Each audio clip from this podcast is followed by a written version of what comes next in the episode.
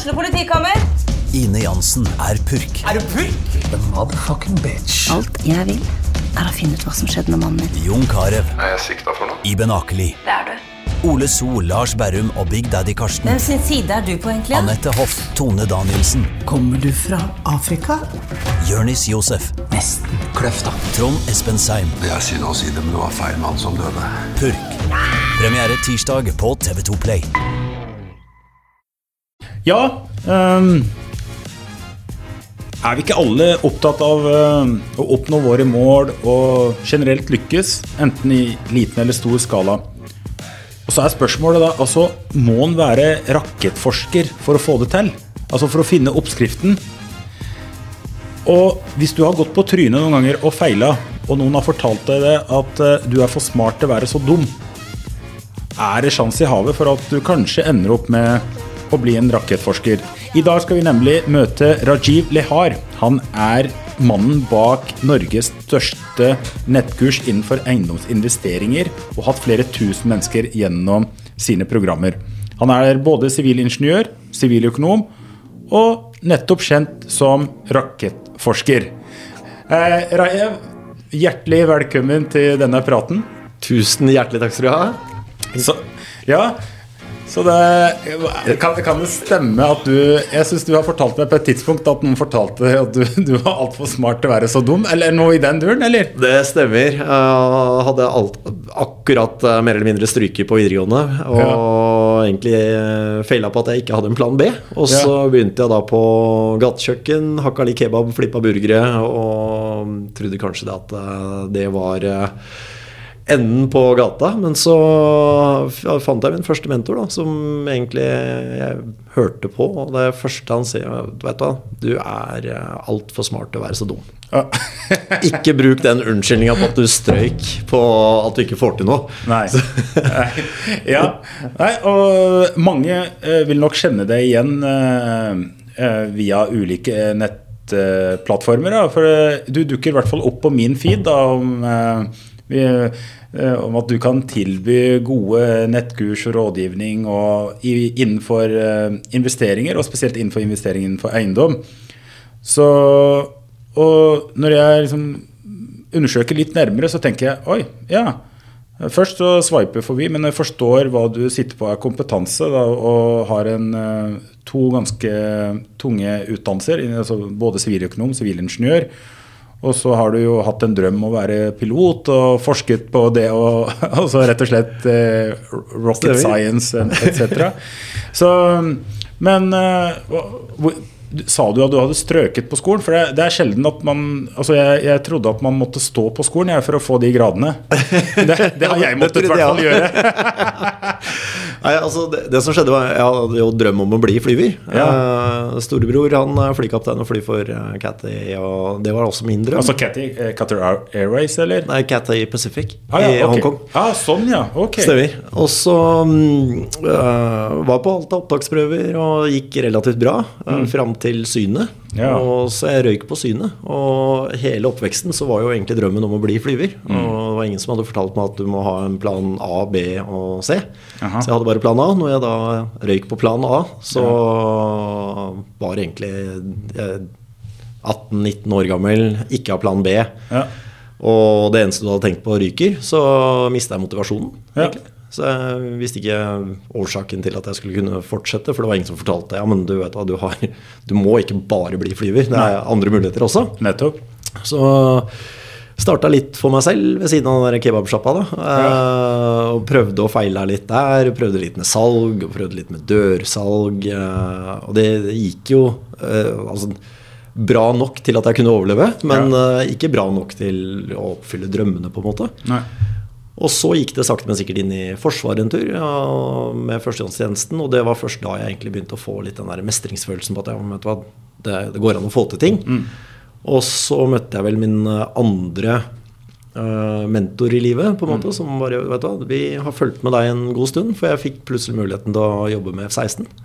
Så det var liksom, det var ikke som pilot, men eh, som crewchief på F-16. Og da er det jo en del teori, en del praktisk osv. Og, så og da kom, husker jeg, generalmajoren og bare Vet du du, burde søke deg inn på flyingeniørlinja. Så tenkte jeg, du vet så du ikke karakteren fra videregående? Jeg strøk i matte og fysikk, liksom. Så skal du få meg til å bli flyingeniør. Så men, da, vi, vi ser at du har kapasitet til det. det. Du er for smart til å være så dum. Ja. Du må bare forstå hvor, hvilken sammenheng du skal sette det sammen i. Da. Ja. Så um, starta jeg på flyingeniørskolen. Jeg husker jo den som det var i går, for jeg hadde jo måttet ta igjen matte fra videregående samtidig som jeg skulle ta ingeniørmatte. Ja. Så jeg fant jeg en annen eh, som nå er bestekompis av meg fortsatt en dag i dag. For vi satt eh, fra fem om morgenen til tolv på natta og følte oss litt dumme for vi ikke skjønte disse mattestykkene som eh, var på ingeniørutdanninga. Ja. Men så- det var første gang jeg lærte liksom, ja, men vet du, det, det handler ikke om hvem du er, men det handler mer om hvem du henger med. Ja, det, det, det der er kjempeinteressant. Og så får du meg til å tenke på dette her med at eh, Det med talent og innsats, ikke sant. For at eh, noen har det for seg sånn at du er ikke så god i matte. Ja, men det er, det er bare et faktum. Men altså, hvis du har lyst nok, så er det ingen som begrenser deg hvor mye innsats du kan legge i det. Stemmer. Ikke sant? Og så er det veldig fint hvis du kan koble deg med en eller et miljø da, som er supportive og som har Ja. ambisjoner. Og da leste jeg jeg husker den, akkurat den perioden, og akkurat det du sier der, sånn, leste jeg faktisk om det der med at ikke sant, eh, Fortell meg hvem dine fem nærmeste er. Så skal jeg fortelle deg hvem, hvem du er, eller hvor mye du tjener, eller hvor Hva du, du er. hva du blir òg, ikke sant? Stemmer. Ja. Så jeg menga meg med egentlig bare altså Det var ikke så veldig vanskelig å finne folk som var smartere enn meg på universitetet, så jeg begynte å henge med de smarteste. Ja. Og så begynte jeg å, å spørre og grave. Ja. Jeg var nysgjerrig og prøvde å lære på min måte. da. ja. Og det gjorde at jeg gikk da fra å stryke i noen fag på videregående til å komme ut med beste snittet i flere av fagene. Bl.a. av høyeste matematikken du kan ta på universitetsnivå. ja. Hvor du har en 50-60% stryknivå. Og det, jeg mener jo fortsatt den dag i dag det er ikke det at jeg var flink i faget, det var bare det at jeg forsto hvordan jeg skulle komme fram til de ulike løsningene. Og det gir jo, altså det gir jo mersmak på at du har lyst til å lære mer, du har lyst til å skape mer osv. Så, videre. så mm, det der med å ikke gi opp og prøve å angripe altså Den sier jo da at hvis du prøver å gjøre det samme om og om igjen, eh, så kan du ikke forvente et annet resultat. Nei, og, ikke sant? Og så er det dette her med at uh, utgangspunkt er et utgangspunkt, og så kan du være veldig heldig og ha terningkast på et utgangspunkt hvor du forstår og evner alt. Stemmer. Uh, men altså, det som vi har mulighet til, da, slik jeg hører du sier, altså, da, da gikk du Ok, greit, jeg forstår det ikke, jeg kan det ikke. Men innsats, det det, Det har jeg. det kunne du. Det, ja, ja. og med innsatsen så Du måtte ha virkelig mye innsats da, for å kompensere for at du var litt bakpå da, i forhold til medstudenter. ikke sant? Stemmer. Ja. Men så fikk du da Gikk utdannelsen etter hvert greit, forstår jeg. Eh, Du kom ut som sivilingeniør, altså ingeniør, sivilingeniør, og så måtte du studere litt økonomi, òg, skjønner jeg da? Ja, så jeg tok, jeg tok en master i industriell økonomi og teknologiledelse, som da egentlig er eh, altså basically en, eh, en økonomutdannelse også. Ja. Um, og det var ikke så veldig mye å forske på innenfor uh, raketter og, osv. i Norge på den tida, så jeg begynte da i olje- og gassindustrien. Eh, gikk jo relativt bra. Jeg husker Første dagen jeg ble ansatt, uh, så var det samme dagen uh, hvor det var masse altså oppsigelser. Ja. For det var rett etter finanskrisa. Mm. Um, så starta der, og havna jeg også inn i en egentlig bransje jeg ikke kunne noen ting om. Men eh, det er jo som når du blir hivd ut på åpent hav, så tar du tak i den første livbøya du får. da. Ja, ja. Men da fikk jeg muligheten til å jobbe og utvikle. eh, og fikk lært meg å håndtere store kontrakter. Fikk lært meg å bruke hodet på tekniske ting og sånn. Og så var det jo nedgangsperioden innen olje og gass som gjorde at jeg var, vet du hva, jeg har lyst til å skape ting. Jeg har ikke lyst til å begynne å si opp ansatte i eget team. Og da hadde jeg drevet litt med eiendommer ved siden av. ja. Tenkte vet du hva, jeg klarer å overleve på de eiendommene jeg har med kontantstrøm, så jeg trenger ikke jeg, trenger ikke den stillinga, så det kan noen andre ta med å sparke folk. ja. Det, hadde ikke du lyst til å gjøre. Nei, det var, altså, det var ikke min eh, Jeg kjente at det var ikke mitt kall å begynne Nei. å sparke folk som jeg hadde ansatt for bare noen måneder siden. Da. Ja. Og noen år senere nå så har du jo fått eh, Du har startet flere selskaper, noen har blitt solgt, noe var meningen at du skulle drive i en kort periode. Men altså det eh, som så de fleste kjenner deg fra, det er jo utleieeksperten Eiendomskoden. Stemmer. Og det er jo litt spesielt å skal snakke om eiendom i disse tider, hvor eh, vi møter på noen av de tøffeste tidene vi har hatt på mange, mange år. Og Senest i dag så fikk vi enda en rentehevning. Det er masse usikkerhet i markedet. Men hva er det, hva er det de eh, hva er det som er typisk gjenganger på de som melder seg på dine kurs og kommer på deres event og ønsker rett og slett å komme i kontakt? Da. Altså det, det, de har et eller annet behov. Hva er en drøm? De, de tenker at du skal være med oss og hjelpe til at de oppnår raskere og mer treffsikkert? Ja, altså, Vi bor jo i Norge, Ja. hvor eh, alle og enhver uh, har lyst på en eiendom. Ja. Det, det er veldig pro eie eiendom-land. I Norge. Så, I Norge. Så Ja. alle skal jo på en måte ha en førstegangsbolig som de skal bo i, og så skal de ha noe å leie ut. Altså Det er et av de få landene i verden hvor det har flest sekundærboliger uh, eid av privatpersoner som leies ut. Ja. Så det de fleste ønsker å finne ut av, det er jo i utgangspunktet så vil de ha den tittelen, på en måte, med at du har en utleiebolig. Ok, så det, det er litt sånn fancy? Ja, fordi det er litt den der eiesyken, da, som jeg kaller det. Folk er, Ja. Norge er veldig på det. Ja, man må eie et eller annet. Ikke sant? Ja. Um, men så når vi da bearbeider mass market Altså vi har hatt ja, Jeg har vel hatt De siste seks årene så har jeg hatt én til to webinarer hver eneste måned. Hvor det kommer en del spørsmål, og vi har eh, daglige rådgivningssamtaler med hundrevis av mennesker. Og det, det vi ser, er jo da at de fleste vet jo egentlig ikke hvor de vil. De har ikke klart definert målet. Det de har definert, er at de har egentlig bare lyst til å eie en sekundærbolig og leie det ut, eller bygge en portefølje, leve av det. Ja. Men det er ikke alltid den øh, Skal vi si det det behovet for å eie egentlig er samsvar med det de ønsker å oppnå. Ja. Så Det vi hjelper de med, er jo i utgangspunktet å lage en strategi basert på målet deres. Ikke sant? Så noen er interessert i å e- egentlig bare tjene et par tusen ekstra i måneden. Mens Ja. Mm. andre har lyst til å leve av eiendom. Så er det noen som har lyst til å skape eiendommer. Altså skape, utvikle eiendom. da. Riktig. Og det du sier nå med markedet, det har vekket flere egentlig som har behov for å lære mer om eiendom. Men det er noen elementære ting som vi, har i, som vi har behov for, som jeg pleier å si. Altså Du må ha tak over hodet, klær på kroppen og mat i magen. Ja. Tak over hodet trenger vi uansett. Ja. Klær på kroppen trenger vi, mat i magen trenger vi. Så ser man på markedet i Norge, så begynner det å bli et større og større gap fra det som blir produsert, versus det, altså supply and demand, eh, altså boligbygging versus befolkningsvekst. Da. Allerede så er jo befolkningsveksten fremskrevet av statens, eh, nei, Statistisk sentralbyrå. Og hvis du da i tillegg har byggestans, så vil det gapet på behov og, og altså supply and demand blir bare større og større. ja. Etterspørsel og behov, ja. ja. Et, ja, etterspørsel, tilbud og etterspørsel. tilbud, ja, ja. Stemmer. Og det vil jo, tror jeg, eh, som veldig mange andre også, det vil komme en ketsjup-effekt på det en eller annen gang. Liksom. Men for å si det sånn, da. Eh, så som det alltid vil være i uansett marked, så vil vi ha opp- og ned-tider. Ikke sant? Så det, det kommer perioder hvor vi tenker ok, nå, nå er det tøffere enn andre tider. Og så er det For det er mange nå ser litt sånn lys i tunnelen i forhold til ja, slutten på 2024, og at i 2025 så kan vi få en eh, virkelig eh, supply demand eh, eh, shortage, da, som gjør at eh, prisene vil øke. Noen områder vil bli veldig attraktive.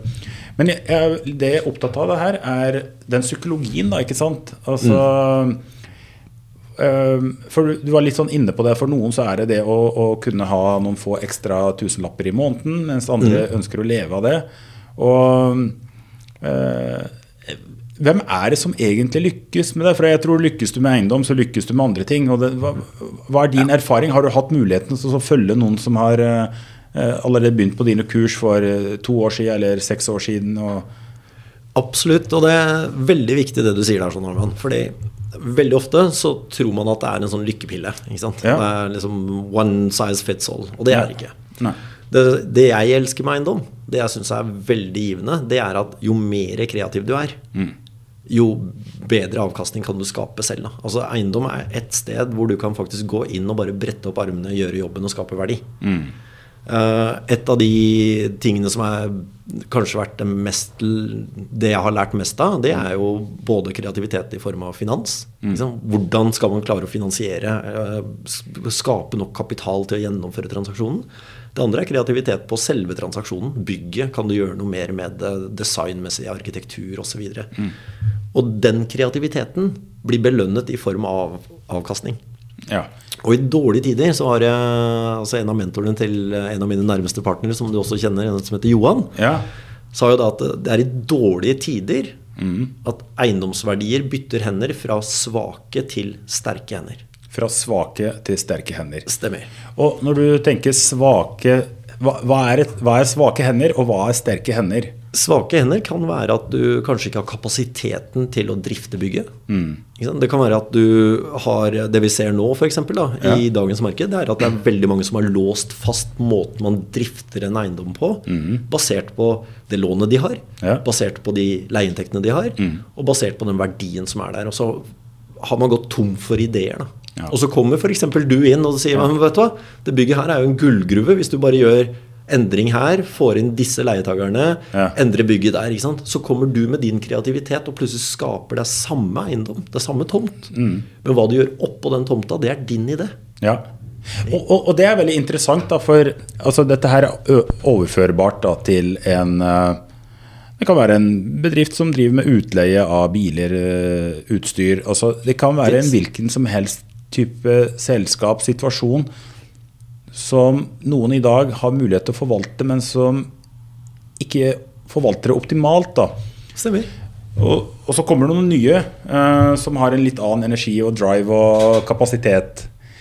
Men eh, hva, hva er det som skal til, etter din mening, da, Ja.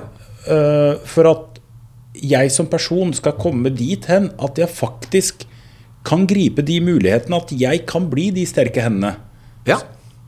Og det, det, jeg tror veldig mange er litt på søken etter det. Ja. Hva, hva skal til? Hvilke ingredienser er det? Og det som er litt unikt med det her, er at det er forskjellige ting. Mm. Basert på personen. Ja. Så du er ekstremt dyktig på nettverk. Skape informasjonsflyt. Finne ut av hvor er det skoen trykker. Og du jobber med en vanvittig høy grad av integritet i alle prosjektene dine. Og nå har jeg hatt gleden av å følge deg en liten stund også. Det er, det er utrolig givende å se hvordan du klarer å skape den dynamikken. Og det er ikke sikkert at jeg får til det samme, fordi at jeg har ikke den personligheten som det du har. Eller det kan være f.eks. at du er veldig dyktig med tall og kontrakter. Eh, jeg er kanskje dyktigere på å si planløsning og den praktiske biten, eller vice versa. Så um, alle og enhver må finne ut akkurat hvilke sterke sider har man. Og så må man godta de svake sidene. ja. Og det er kanskje den dagen jeg innså det selv, at jeg begynte å få til ting. Fordi for, Tilbake til den eiesyken. For, å en, for å gjennomføre en transaksjon så trenger du jo fire ingredienser. Det ene er selve eiendommen. Ja. Det andre er en eller annen form for egenkapital. Det tredje er en eller annen form for finansiering. Det fjerde er kanskje det aller viktigste. Det er gjennomføringsevnen. ja. Har du de fire, så kan du gjennomføre. Men veldig mange, majoriteten i Norge tror at du må sitte på alle de fire. Ja, riktig. Ja. Men det er å bare innse men vet du, jeg har ikke kapitalen.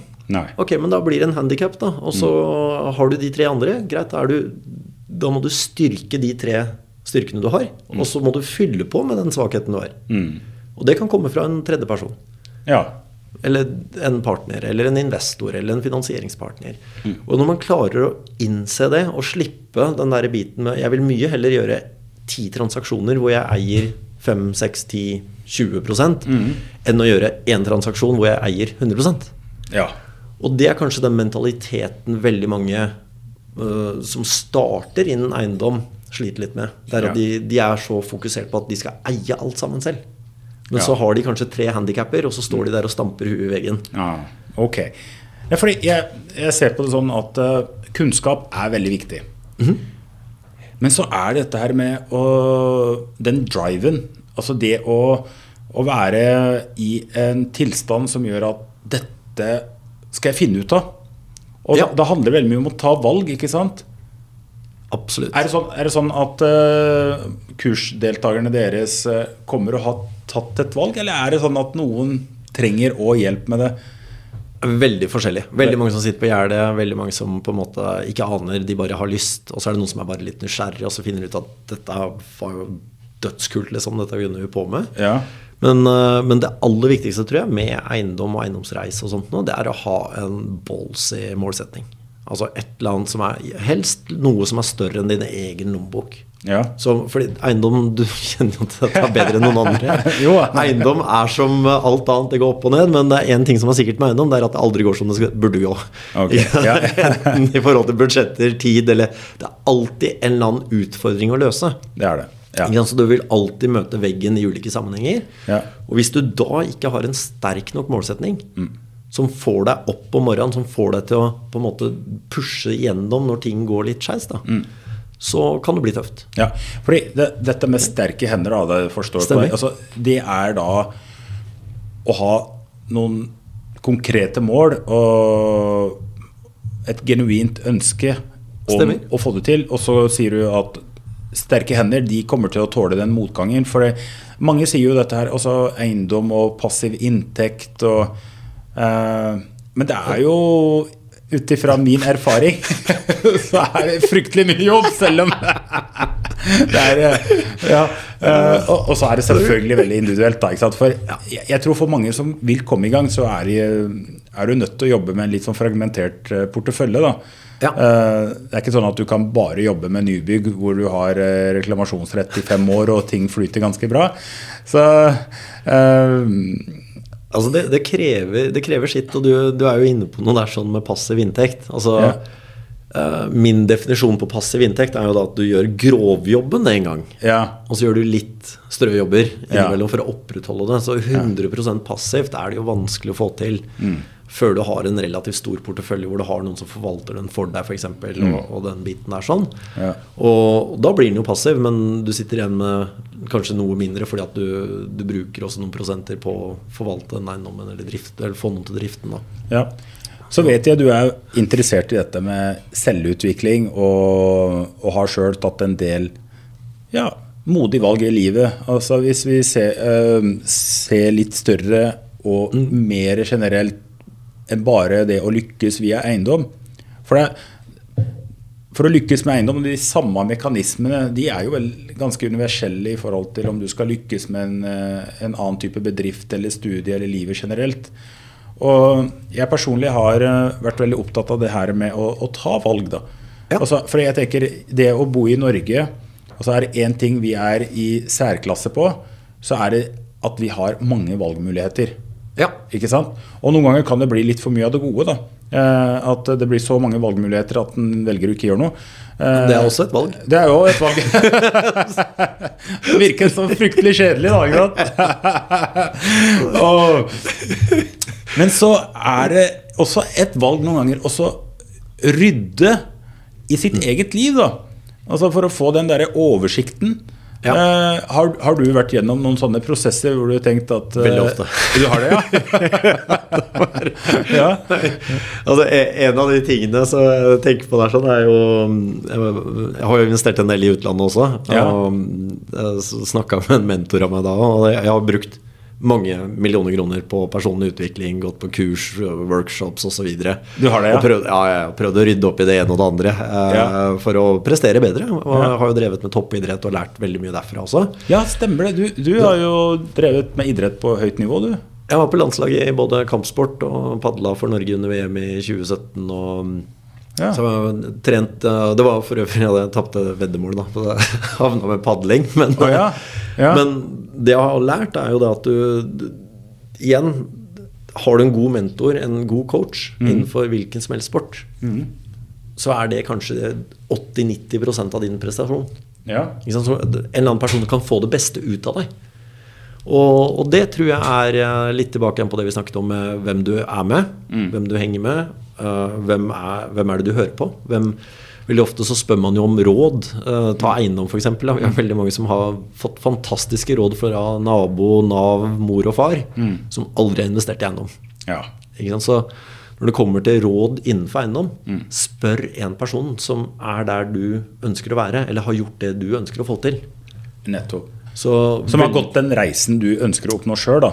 Altså, Ja, ja, ja.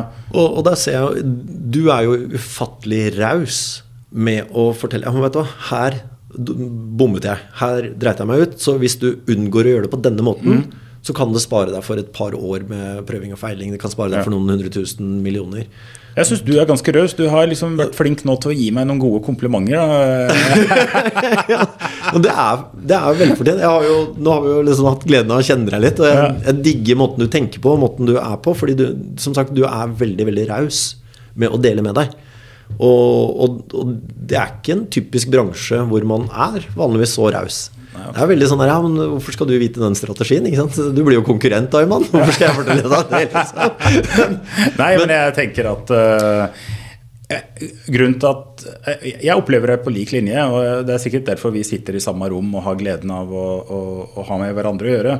Fordi jeg tenker at ideer og tanker og strategier det kan du dele med hvem som helst. Fordi jeg har kommet så langt i denne i denne verden med å forstå at det å skal lykkes handler ikke bare om, det handler ikke om gode ideer. Det handler om denne evnen til å gjennomføre det. Og, og som du har vært vel, eh, innom flere ganger nå, altså det å, å, å kunne samarbeide med rett folk. Og, og, og til tider så kommer vi til å råke på å samarbeide med feil folk. Og det er det jeg legger i. Altså, noen ganger, Derfor så må vi rydde, og så må vi kanskje rigge på en ny måte da, for å møte en ny drøm, en ny verden. Og det kan være at vi må samarbeide med nye mennesker. Og de beslutningene her trenger altså, Det er da vi trenger valg, ikke sant? Og, og, og litt sånn interessant hva som skal til for å trigge oss. da Noen ganger Ja. så må vi gå på trynet, må gjøre så fryktelig vondt lenge før vi tenker nå er det nok. Ja. Nå skal jeg virkelig ta meg sammen. Eller uh, I don't know. Nei. Men hva er, hva er det som Jeg tror eh, en, en ting som jeg har lært opp Mm. gjennom tida, det er å jobbe med mennesker eh, som har samme grunnleggende verdier som deg. Mm. Fordi du kan ha Jeg har hatt en rekke partnerskap som ikke har gått så bra heller, altså med transaksjoner annet, og det har jo vært at vi har hatt forskjellige grunnverdier i bånn. Mm. Ja. Så man kan gjøre veldig gode transaksjoner sammen, ikke noe problem, men grunnverdiene krysser hverandre en eller annen gang. Som gjør at uh, Altså, vi reiser jo mye kapital til eiendomstransaksjoner. Og min grunnverdi der når jeg reiser den kapitalen, er at jeg skal behandle den kapitalen som min egen. Ikke sant? Og vi hadde partnerskap en gang hvor vi reiste kapital. Og grunnverdien til den andre siden, det var mer Det er ikke mine penger, så her kan vi dundre på. Ja. Går det skeis, så går det skeis, men da dundrer vi på. Men det gjør jo at du har litt høyere risikovillighet da, enn det jeg hadde. Og da tenkte jeg, vet du det her er det null til, da, så blir fallhøyden desto større, på en måte. Og, Ja. og jeg tror eh, hvis man tar seg den tiden til å ta noen skritt tilbake og finne ut av hvilke ikke grunnverdier man nødvendigvis har, men hvilke grenser er det man ikke er villig til å krysse for sin egen del. ja. Da er det så mye lettere å finne partnere som det, ok, vet du hva? Han kan jeg, eller hun kan jeg løpe av gårde med. For vi, vi- vi kommer ikke til å krysse de null, altså de, de verdiene man aldri skal kunne krysse for sin egen del. Du, du har jo gjort eh, business i utlandet og i Norge. Mm. er, det, er det noen tydelig forskjell på hvordan ting funker eh, når du krysser norske grenser? Ja, jeg syns på godt og vondt at det er lettere eh, å jobbe i Norge. Det er det, ja. Eh, spesielt med tanke på eiendom. Jeg, jeg har gjort en del i England, blant annet. Og i Norge så er det jo Hvis jeg skal kjøpe en eiendom av deg, så kan jeg faktisk eh, ringe deg. Og si Ja. du, Ayman, kan ikke vi sette oss ned og ta en kopp kaffe, og så går vi gjennom den, ja. den eiendommen. Ja. I England så er det veldig ofte liksom Det er, det er så mange mellomledd. Ja. Så vi, en artig historie, hvis vi har tid til det. ja, absolutt. Kjør på. Sitter der eh, sammen med en uh, veldig god venn av meg, som er uh, utvikler veldig mye utenfor uh, øst, eh, østsiden av London, altså i Kent-området. Masse bygårder som han driver og utvikler. Og så sitter vi på møterommet og egentlig bare har en sånn catch-up. Og så kommer en kar inn da, buldrende inn på møterommet og så bare Du, vet du hva, følg med nå. Jeg har, jeg har en off-market-deal. Den er helt sinnssyk. Um, og så sier han uh, kameraten min hvilken adresse er det? Så bare nei, det er den og den adressen. Så sparker han meg under bordet, bare. Så bare, bare følg med nå. Og så sier han du, vet du hva, vi, dette her er kjempeinteressant adresse. Jeg har så lyst Jeg har, lyst, jeg har kjørt forbi det bygget så mange ganger. Og endelig så ligger den foran meg på, på kjøpen. Så hvis du eh, klarer å ska, skaffe meg et direkte møte med eieren, så kjøper jeg den på flekken. Jeg casher den ut, jeg trenger ikke finansiering. Eh, fordi denne personen da hadde skrytt på seg at han kjente eieren ekstremt godt. Og så sier uh, kompisen min bare ja, jeg må bare skaffe meg direkte møte. Jeg casher den ut, for den har jeg hatt lyst på så lenge. Og så går han ut av rommet da, og eh, løper videre for å hente denne eieren. Og så snur han seg til meg og sier vet du det er bygget mitt han prøvde å pitche til meg. Ja, da forstår man at det her er noen mellomledd. Yes, Det er en viss avstand. Så sånn sett så syns jeg det er mye lettere å jobbe i Norge. Mm. Uh, uh, men så fant vi jo Fordelen vi hadde i utlandet, f.eks., var jo at vi var vant til å gjøre raske transaksjoner eh, i Norge. Mens i f.eks. England så tar det fort en måned eller to ekstra med completion, altså, eller overtakelse, pga. papirarbeid. Der har du ikke meglere sånn som du har i Norge. Du har en regnskapsfører og en advokat som gjennomfører selve transaksjonen. Så vi var jo rigga til raske transaksjoner. Så for oss så var jo England egentlig veldig interessant før du overtok eiendommen. For i løpet av de månedene du bruker, bruker på uh, completion, så kunne vi egentlig uh, resirkulere den kapitalen som vi hadde reist til den transaksjonen i andre prosjekter. Ja, og, og hvis det er et marked i vekst, da, så kan den tiden være til din fordel. Da kan du jo egentlig eh, snu deg rundt og selge videre før du trenger å Absolutt. overta. ikke sant? Ja. Vi- Forutsatt et sunt marked, da. Uh, Eller, eller, altså, eller, eller et, godt, et godt kjøp, da. Eh, Det er et godt kjøp, fordi du kan jo i visse tilfeller så var vi jo i gang med refinansiering i det vi overtok. For da, i mellomtida så var, var det jo allerede vokst eh, såpass mye verdi, liksom. Så, så sånn sett, ja. Men én ting som hvis du hører på og du har lyst til å tror at gresset er grønnere på andre sida, Ja. så var det en mentor av meg som sa at eh, gresset kan være grønnere på andre sida, men du må likevel klippe det. Og vanne det. Så, så bare ha det i bakhodet. Og, og det er nok også min erfaring med at jeg liker En ting jeg liker med eiendom, det er at du, du kan ta, kjenne, føle, smake, lukte på det. Um, og, og det kan du ikke like mye med aksjer for min del. Altså, jeg, jeg har lite peiling på aksjehandel og aksjemarked og sånn. Det er fordi at jeg forstår meg ikke helt på mekanikken. Jeg vet ikke liksom akkurat hva Ja, Du har ikke den samme muligheten da, for at uh, det du sa tidligere i praten her. altså Det som er fint med eiendom, slik du ser det, at du kan være med å påvirke verdistigning. Du kan, uh, Stemmer. altså, du kan dele i to, du kan eh, reseksjonere, du kan leie ut, men så kan du selge. Du kan foreta noe oppussing sjøl. Du kan bo i det i verste fall. ikke sant? Ja, ja. Altså, det er mange ting du kan gjøre. Eh, så er det eh, dette med at det ikke er nødvendigvis grønnere på andre sida. Eh, det, det, det passer jo i så utrolig mange sammenhenger. Um, er, det, er det noen ting som går igjen som du altså Du har vært på mye selvutviklingskurs, uh, sier du? Eller var det Ja. det du sa? Jeg vet ikke Personlig utvikling. Personlig Ja. utvikling og, uh, og så sa du no, noen som kommer, da. Ikke sant? De, de har gått og tenkt på det her lenge, men de får ikke ut fingeren. Eh, hva, hva, hva er det du ser liksom, Hvorfor er det noen som bare blir det ender opp med bare prate om Ja. eiendom og eiendomsinvesteringer? Og, ja, altså, jeg, jeg møter på noen som da Jeg kan ganske bra om eiendom. Jeg er jo siviløkonom, og jeg, jeg, jeg vil påstå at jeg setter meg grundig inn i ting. Ja. Men eh, bare for å dra det litt langt, så altså har du noen som jeg føler kanskje veit mye mer om eiendom enn meg, og om finansbransjen og finansmarkedene og lange renter og swap-renter og Nibor. Og, og de har til og med mer likvid kapital, men de har søren meg ikke investert noen ting. Nei. Møter du på noen av de òg, eller? Veldig ofte. Ja. Og uh, det, det, to typer av de. Altså, du, du har jo f.eks. regnskapsførere, revisorer, advokater, eh, meglere som jobber med De gjør jo 40 ganger mer transaksjoner enn det du og jeg har gjort til Ja, sammen. ja. eh, Hver eneste dag, liksom. For Ja. det er det de jobber med. Ja. Men jeg tror det er det mindsettet ja. Som en investor har versus en som jobber med eiendom eller kan mye om eiendom, ja. Men som mangler det derre investor-tankesettet eller genet da, som man må egentlig trene opp. Fordi det å være en eiendomsinvestor er, det er komplekst. Sant? Du må både være kreativ, du må være mm, rak i ryggen, du må kunne finne ulike løsninger, plantegning, regulering. Altså det kan være så komplekst. Men det betyr ikke nødvendigvis at du skal kunne alt det. Nei, men da, for du, du nevnte et par ting som jeg la merke til nå. Altså det, det er mindset, og det andre var at du kan trene det opp. Ja. Ja. Så hvordan kan du trene meg opp? Altså, for det handler om å bare si, liksom som han Richard Branson sier, vel eh, Screw it or altså, let's do it. or ja, don't Ja, know. ja, ja, Ja. Um, det er noe med bare hoppe i det. Komfortsonen må Ja, du ut av. Det er det det går på.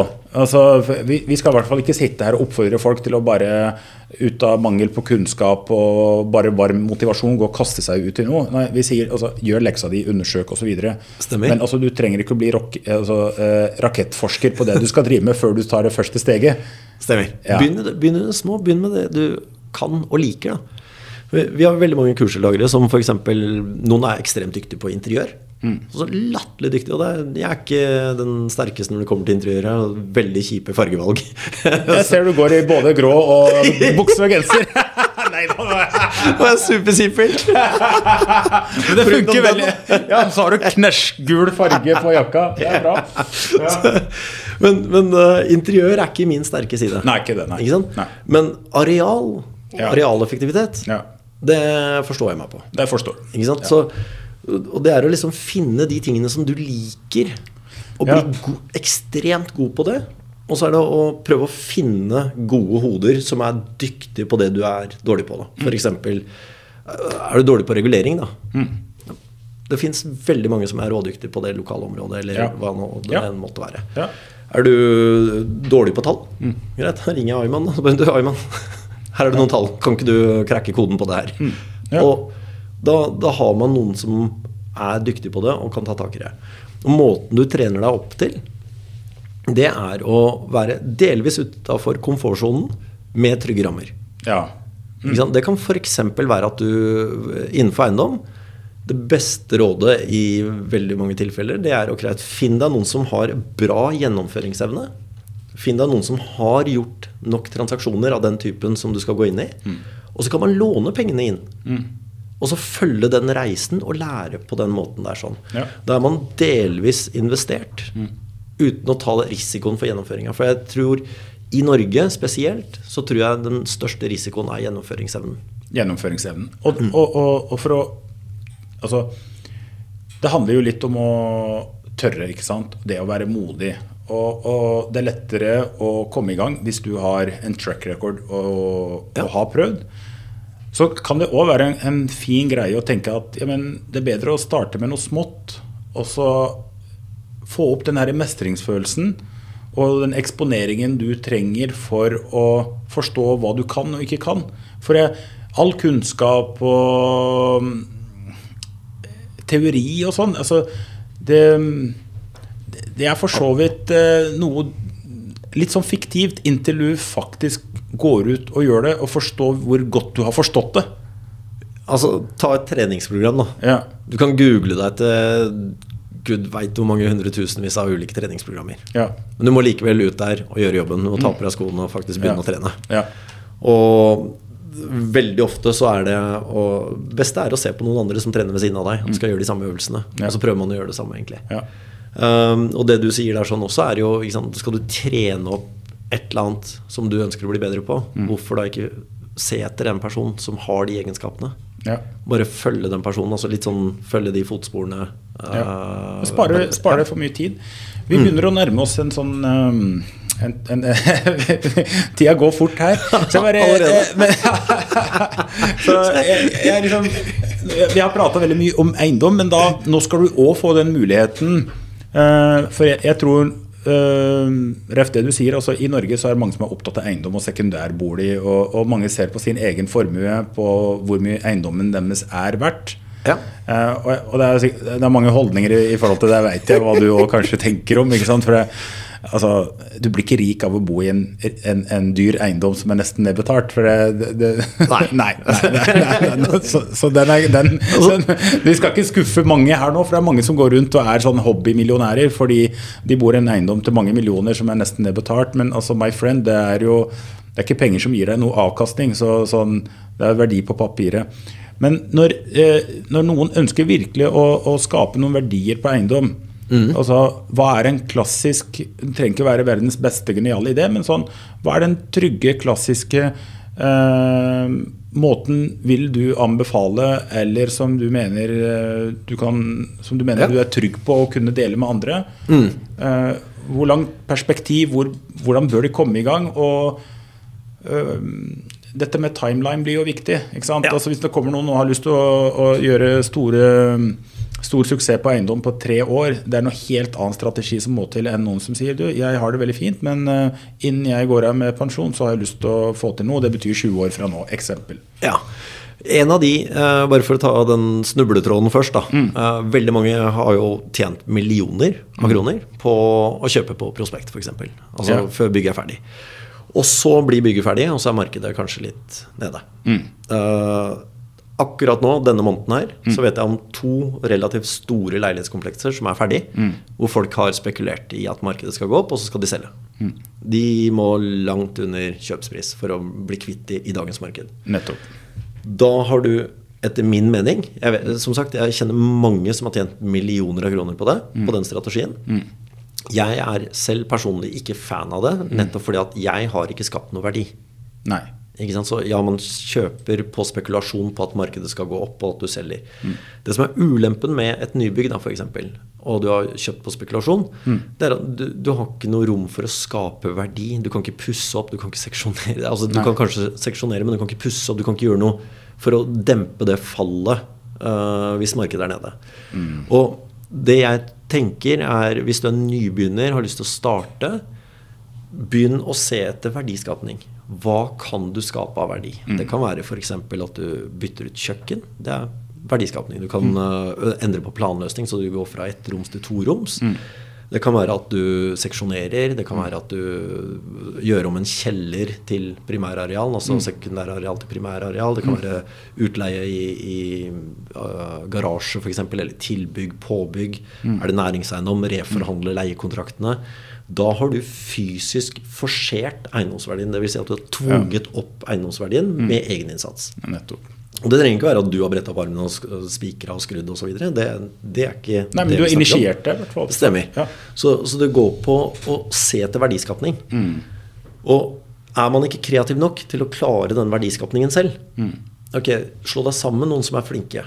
Ja. Ikke sant? Det er, ta kontakt med Aiban. Han, jeg, har, bra, jeg, har sett på de, ja, jeg, har sett på de, jeg har sett på de prosjektene du har gjort, og det er, ikke bare er det inspirerende det du får til, men du gjør utrolig gode transaksjoner fordi du er så opptatt av den verdiskapningsbiten.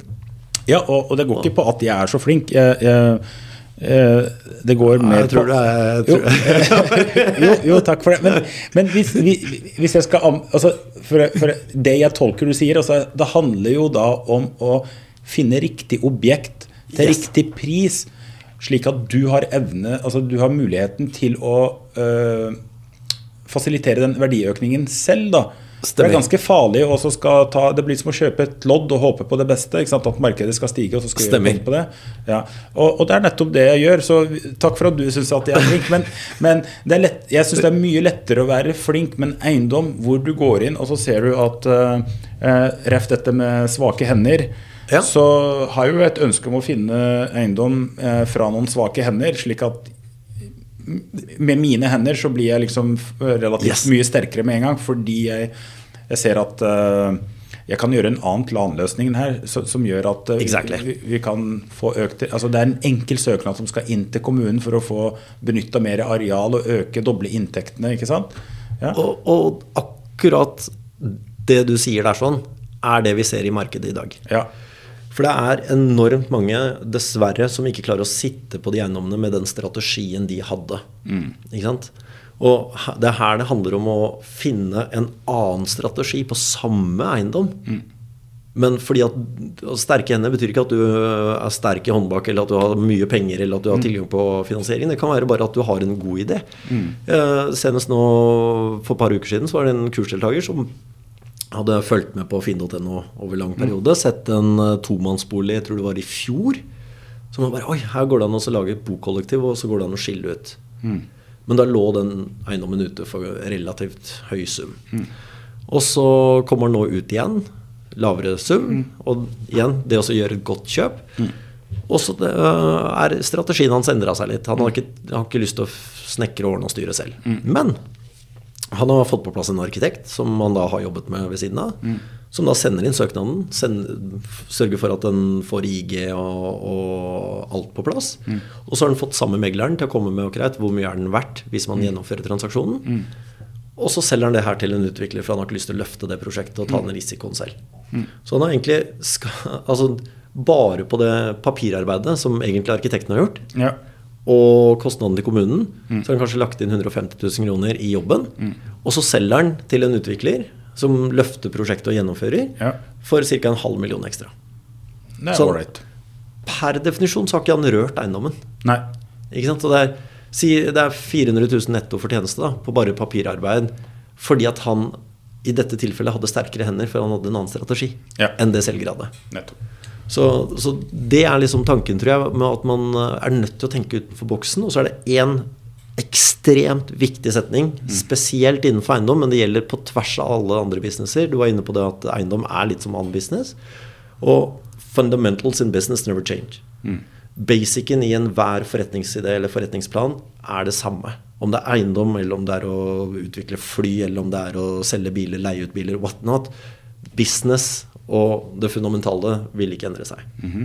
Og når man kommer til eiendom, så er det én setning som er, hvis du hører på, burde du skrive det ned. Det man ikke vet, vet man ikke. Det man ikke vet, vet man ikke. Helt riktig. Inntil man blir fortalt det, vist det, øh, forklart det. Altså, Jeg husker den dagen i dag hvor, hvor jeg starta med eiendom i sin tid. Og så hørte jeg ett ord som jeg ikke forsto plukk av. Det var bokollektiv. Jeg visste ikke hva bokollektiv var da jeg starta. Og det var barndomskompisene som bare Du, vet du hva. Den eiendommen der burde du leie ut som kollektiv istedenfor en og en leilighet. Jeg bare Jeg aner ikke hva bokollektiv er for noe. Men det ene ordet alene da, genererer det, altså, Jeg tror det var 20 000 den var leid ut for, og nå får vi inn ca. 60 000 i måneden på samme eiendommen. Ikke? Så det man ikke vet, vet man ikke. Og det vil alltid, uansett hvor mange år, hvor mange transaksjoner du har holdt på med eiendommen med, så vil det alltid være et nytt steg eller et ny, nytt nivå å strekke seg etter. Ja. Så sier man har flippa 100 eiendommer, så betyr ikke at man er rådyktig på å utvikle tomteområder. Nei, nei, nei. Det er, Ikke? Så, ja. og, og det man ikke vet, vet man ikke. Nei. Og det, vi har kursdeltakere, og inkludert meg en gang i tida. Jeg visste ikke hva refinansiering hva det ordet betydde engang. Nei. Bare refinansiering har jeg aldri hørt om. Hva er det for noe? Så, og så blir man forklart det, og så er det plutselig bare jøss, vet du hva, refinansiering er kanskje et av de råeste tingene du kan gjøre innen eiendom. Du kan løse ut kapitalen igjen, ikke sant? Ja, ja. Så, så, så jeg tror eiendom handler om å være ydmyk. Ja. Det handler om å på en måte ikke, ikke havne i den fella på hvor man tror at man vet alt. Eh, altså jeg har hatt jeg husker jeg hadde et seminar her på kontoret en gang hvor vi, hvor vi sitter en litt eldre herremann første, eh, på første rad på gratis seminar hvor jeg snakket om ja, hvordan kjøpe en sekundæreiendom og hvordan få på plass finansiering osv. Så og så ble, kom jeg i kontakt med han et, i pausen, og så sier jeg ja, hva driver du med? og sånn. Så, nei, jeg har nettopp solgt en, en bygård nei, en portefølje til 1,2 milliarder. Han var på kurs hos deg, eller Han var på gratisseminar hos meg. Så jeg, Hvorfor sitter du her? Ja, ja.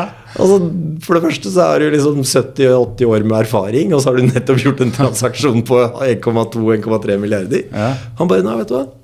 Det kan være én setning, én idé eller én person i dette rommet her sånn som kan sette min neste del av reise på en helt annen, eh, i en helt annen retning. Mm. Og da bare Å være så ydmyk Mm. og faktisk bare tørre å, å by på seg på den måten her sånn, det ga meg enorm respekt for den personen. Ja. Eh, Og kanskje vi skal avslutte med nettopp det her, eh, Rajiv. Altså, det å være ydmyk tror jeg òg kan hjelpe folk å, å tørre å si at jeg kan jo ikke alt, ikke sant? Og at eh, jeg er villig til å lære, selv om jeg er flink på så mange områder. Og nå, sånn, hvis du skal få lov å altså fordi jeg håper at denne praten her gjør at noen tenker at vet du hva, nå har jeg gått og prata om må ikke nødvendigvis være eiendom, men også satse på noen over flere år.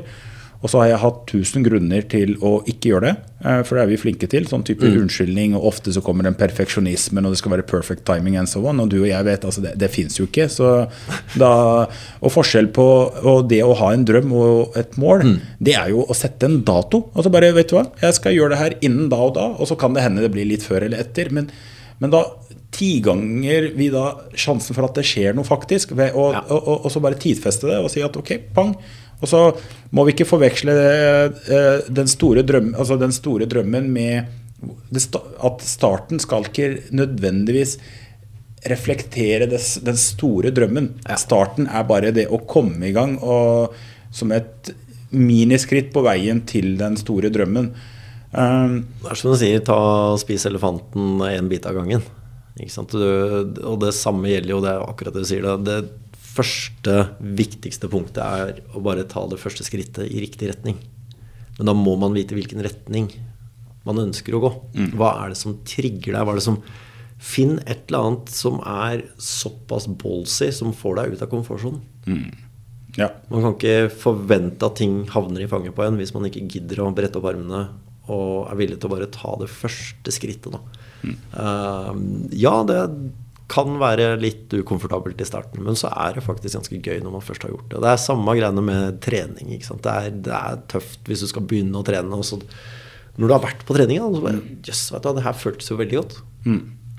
Så man vet jo.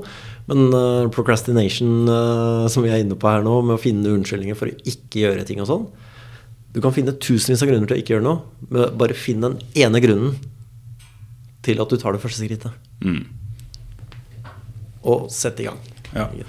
Ok, men da skal jeg utfordre deg nå med Ja. at vi skal avslutte den samtalen her med at du kan nå få lov å la mennesker få mm, fundere litt på en to-tre spørsmål som du tenker kan hjelpe de ut av dvalen og, Ja. og få ut fingeren.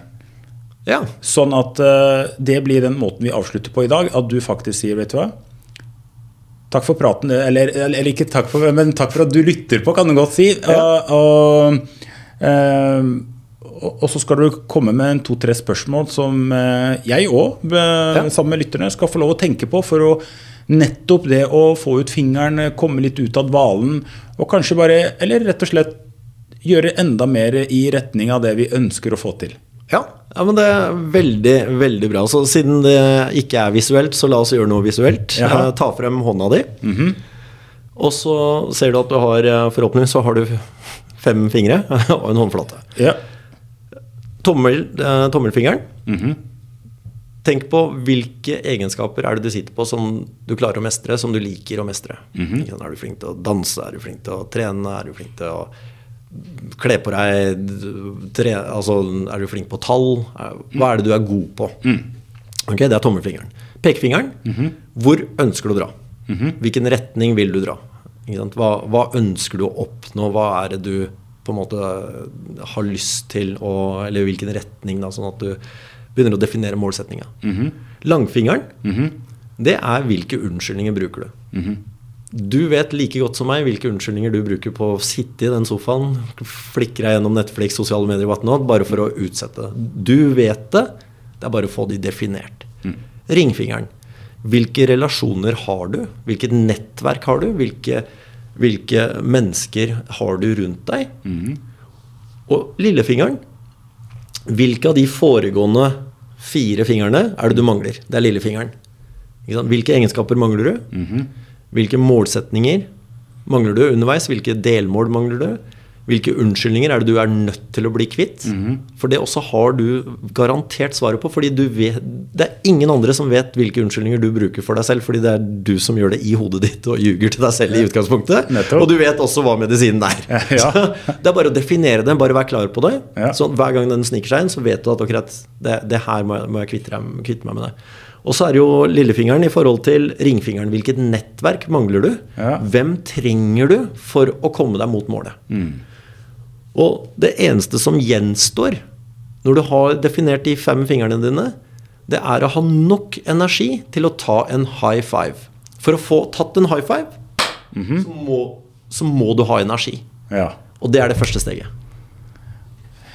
Funker det? Du, det her er helt rått. Vet du hva, Jeg digger den der metaforen og den visuelle fremstillingen av det. Så konge, da tror jeg vi Tusen takk, eh, Raiv. Og da har, da har dere lytterne der noen spørsmål å tenke på. Og at du avslutta det med at det krever jo energi. Så nå får folk bare Det er kanskje kult, da. Altså Det første du skal gjøre nå, er å slappe av og tenke på de spørsmålene. yes. Fantastisk glede enhver tid og enhver gang jeg møter deg, Herman. Det her var veldig veldig hyggelig, og tusen hjertelig takk for at du ville gjeste meg. Det setter jeg pris på. Æren er på min side. Tusen takk til deg, og ha det godt, alle sammen.